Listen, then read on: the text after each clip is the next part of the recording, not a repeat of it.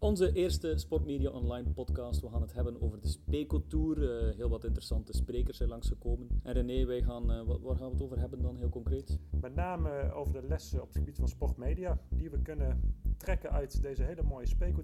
En we gaan beginnen met onszelf voor te stellen. Hè. Jij bent René Volen, ex-KNVB, ex-PSV en een van de grote sportmedia specialisten in Nederland. Dat is uh, heel mooi gezegd, Pieter. Ja. Dankjewel. Maar wie ben jij? Ik ben Pieter Marischal, ik kom uit België en samen met René ga ik de komende ja, minuten, hoe lang gaan we het volhouden deze podcast? Een kwartiertje toch wel? Oh, max, max, max, niet veel langer dan maar een kwartiertje. En, en laat ons het boeiend houden voor onze luisteraars. Wij gaan uh, de allercoolste dingen eruit pikken. Ja, het eerste wat mij het meest is bijgebleven is uh, de marketingmanager van Borussia Dortmund. Die is langsgekomen. Heb ik jou ooit gezegd dat Club Brugge nog gewonnen heeft van Borussia Dortmund? En ze zo uit de Champions League gehouden heeft? Dat zal lang geleden zijn, denk ik. Dat is jammer genoeg lang geleden. was wel een mooie herinnering voor mij. Maar bon, Borussia Dortmund een heel unieke ploeg, een heel mooi marketingverhaal, maar ook een heel mooi mediaverhaal hebben we gehoord. Hè? Ja, het was een heel mooi verhaal van Dennis Toom, inderdaad, de marketingmanager van Borussia Dortmund. Had een heel interessant verhaal over zij ja, heel bewust werken aan hun merkidentiteit. Ja, echte liebe. Echte liebe, heel erg inspelen op de binding die de fans hebben met de club. Fanatieke fans, en dat willen ze uitstralen in alles wat ze doen, in alle marketing en alle communicatieuitingen. Ja, wat ik heel interessant vond, was uh, echte liebe, hun slogan, mag enkel gebruikt worden door de club zelf. De sponsors mogen het niet gebruiken. Maar ook heel boeiend vond ik de manier hoe ze echt real-time inspelen met, met, met uh, sterke content op wat er gebeurt. Het voorbeeld die ze gaven, wat was het ook alweer, uh, een spits? Ja, Obama Young. Hij had na een doelpunt dat hij zich verkleed als Batman, was het toch? Als Batman verkleed. En dan eh, de, de, vertelde Dennis het verhaal van hoe, hoe ga je daar dan mee om? Je moet erop inspelen, want iedereen heeft het erover. Maar je mag die beeldenis niet gebruiken van Batman, want dat is eigendom van Marvel Studios. En die, die, die, die staan nogal uh, beschermend ten opzichte van hun, hun figuurtjes. Wat hebben ze gedaan? Ze hebben een, een, een pixelfoto, een soort van kleine figuurtjes hebben ze ervan gemaakt van hun speler met die oortjes. Direct gedeeld, was eigenlijk heel leuk. En Marvel, wat onderdeel is van Disney, die wilde graag met Borussia Dortmund in zee, omdat ze dat grote bereik zagen van ja, de club. Ja, ja. Um, ja, Dortmund heeft dat overwogen, intern uh, veel over nagedacht, maar uiteindelijk ervoor gekozen dat niet te doen. Waarom niet? Omdat zij vinden dat hun merkidentiteit niet genoeg aansluit bij die van Disney, Marvel in dit geval. Um, Straf toch, hè? Ja, je, ja, veel clubs zouden het wel doen. Ja, alles, alleen alles voor het geld. geld. Alles voor het geld. Um, heel, heel uniek, heel mooi. Wat ik nog meer een interessant verhaal vond, NOC-NSF, Hanneke van der Pol, was wekenlang in Rio ter plekke om daar de organisatie voor Team NL in goede banen te leiden. Hm. En zij gaf studenten een heel mooi inkijkje hoe dat nu gaat van binnenuit. Waar loop je tegenaan? Jurigate, Jurigate, daar liep ze tegen nou ja, Jurigate was, uh, was heel pijnlijk. En Die vent mag niet eens een pintje drinken? Nou ja, laten we daar geen discussie over houden. Of dat wel of niet is toegestaan. Het gaat er met name om, voor het vakgebied, hoe ga je om met de media? Hoe zorg je voor goede communicatie in tijden van crisis? Ja, en daar hebben ze toch wel... En ze gaf ook toe dat er nog lessen te leren waren. Ja, dus dat was heel eerlijk. Loservlucht, Jury van Gelder. Oh, de uh, loservlucht ook nog. Communicatief gezien uh, hebben ze wat steken laten vallen. Jammer, um, want het was verder wel een mooie sportzomer voor jullie Nederlanders, toch? Jawel, uiteindelijk uh, wel. De eerste week was heel moeizaam, kwam ook veel kritiek. Uiteindelijk zijn we tevreden. Ja, hockey, hoe gaat het daar? Een beetje minder, dacht Dat is pijnlijk, Pieter.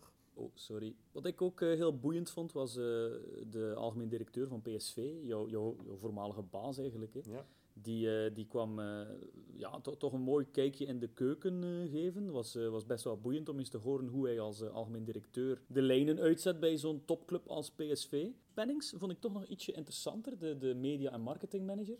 Vooral het verhaal over hoe ze hun nieuwe sponsor hebben gevonden. Want daar was toch wat kritiek op. Hè? Energiedirect.nl zou geen uh, aanmerk zijn. Wat vind jij ervan? Een hele interessante case inderdaad. Philips stopt als hoofdsponsor. Philips en PSV onlosmakelijk aan elkaar verbonden. Ja, de P. De P, de P inderdaad uh, van PSV. Ja, en wat doe je dan als club? Hè?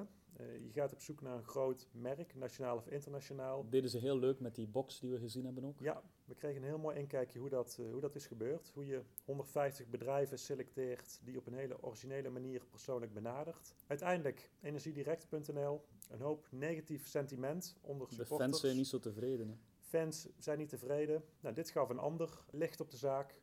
Dat er heel bewust is gekozen voor een match. Energiedirect.nl wil naar de top 3 in hun eigen branche. Denken dat ze PSV daarvoor kunnen gebruiken. En anders aan. Eh, televisie, radio hebben ze geprobeerd. Ze doen nu heel veel online. De vraag is nu waar ze echt mee worstelen. Moeten we alleen nog maar focussen op digitaal? En zo ja, hoe gaan we zorgen voor inkomsten? Want, zoals we allemaal weten, de consument wil niet betalen voor content. Wil dat nee, content is overal. De, de, de user-generated content. De, de, fans maken zelf hun content. Ja. En delen het. 24-7 beschikbaar, gratis overal. Dus hoe ga je als mediabedrijf daarmee om? Welke strategie moet je kiezen? Mijn persoonlijke favoriet was ook wel uh, Kevin Loos van eSport. Kevin, uh, ook een oud student Ook een, eh, allemaal oud studenten Maar uh, wat, wat ik zo interessant vond, e-sport sowieso fascinerend. We hebben er een paar maanden geleden al een, een, een vlog aan gewijd. Maar wat een boeiende wereld. Niet alleen in Azië, niet alleen in Amerika, maar ook steeds meer in Europa. De Dutch College League is, is een competitie al in Nederland steeds meer mensen eh, zien toch wel het potentieel ervan. En uh, dit is niet langer iets enkel en alleen voor de jonge gastjes die achter hun Xbox zitten.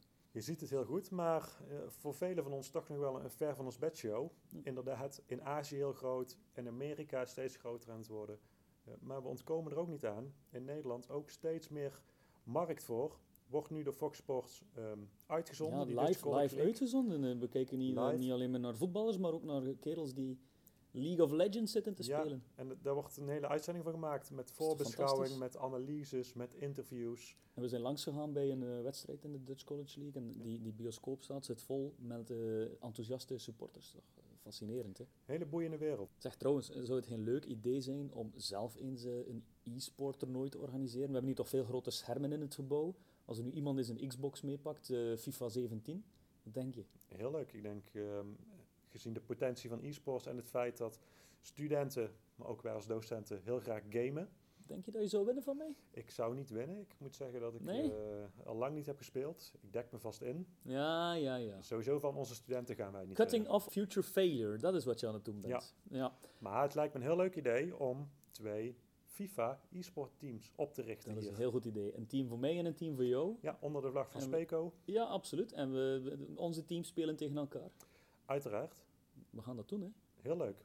Sportstories. Ook, uh, ook een ex-Peco, was het niet? Bart Verschijndel, ja. Ja, uh, Sportstories die eigenlijk uh, enkel en alleen de atleten begeleiden. Geen bonden, geen clubs, enkel en alleen atleten. Om eigenlijk via social media, via traditionele media, hun persoonlijke merk in de markt te zetten. En wat was de naam ook alweer van de Nederlandse rugbyspeler die voor het Schotse nationale elftal uitkomt? Dat is geen elftal trouwens. Hoeveel nee. zijn het er?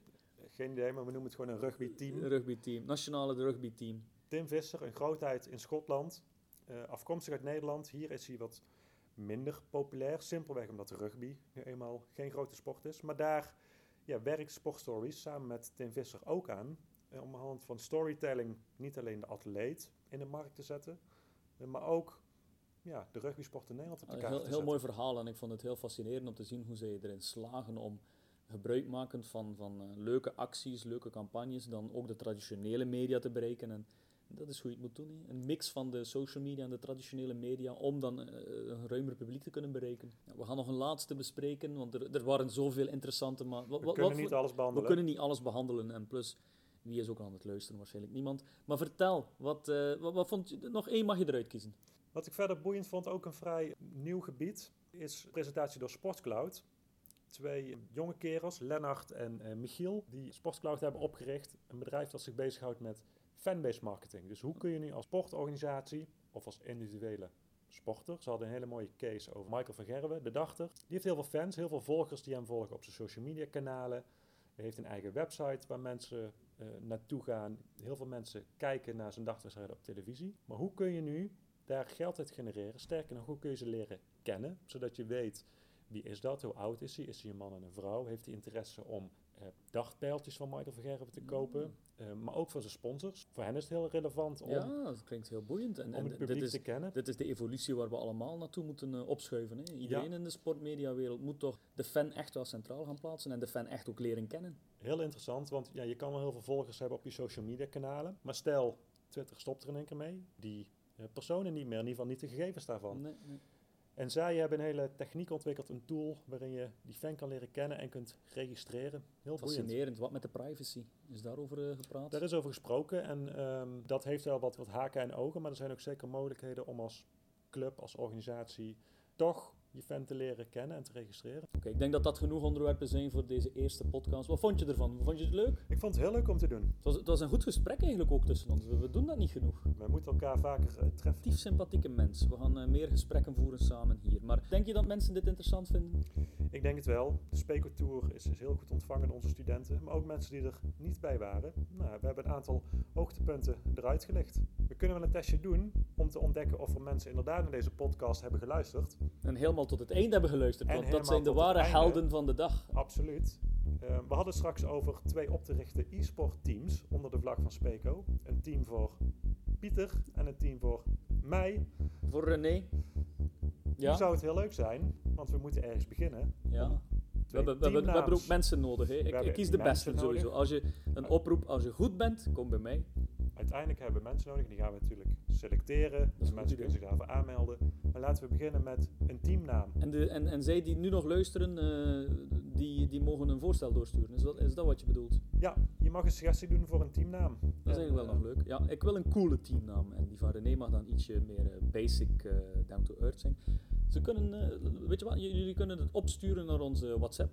Uh, 0619 26 26 71 71 68. 68. Nee, heel leuk, heel leuk. Oké. Okay. René, het was uh, een aangename podcast. Uh, let's do this again. En ja, tot, keer. tot de volgende keer.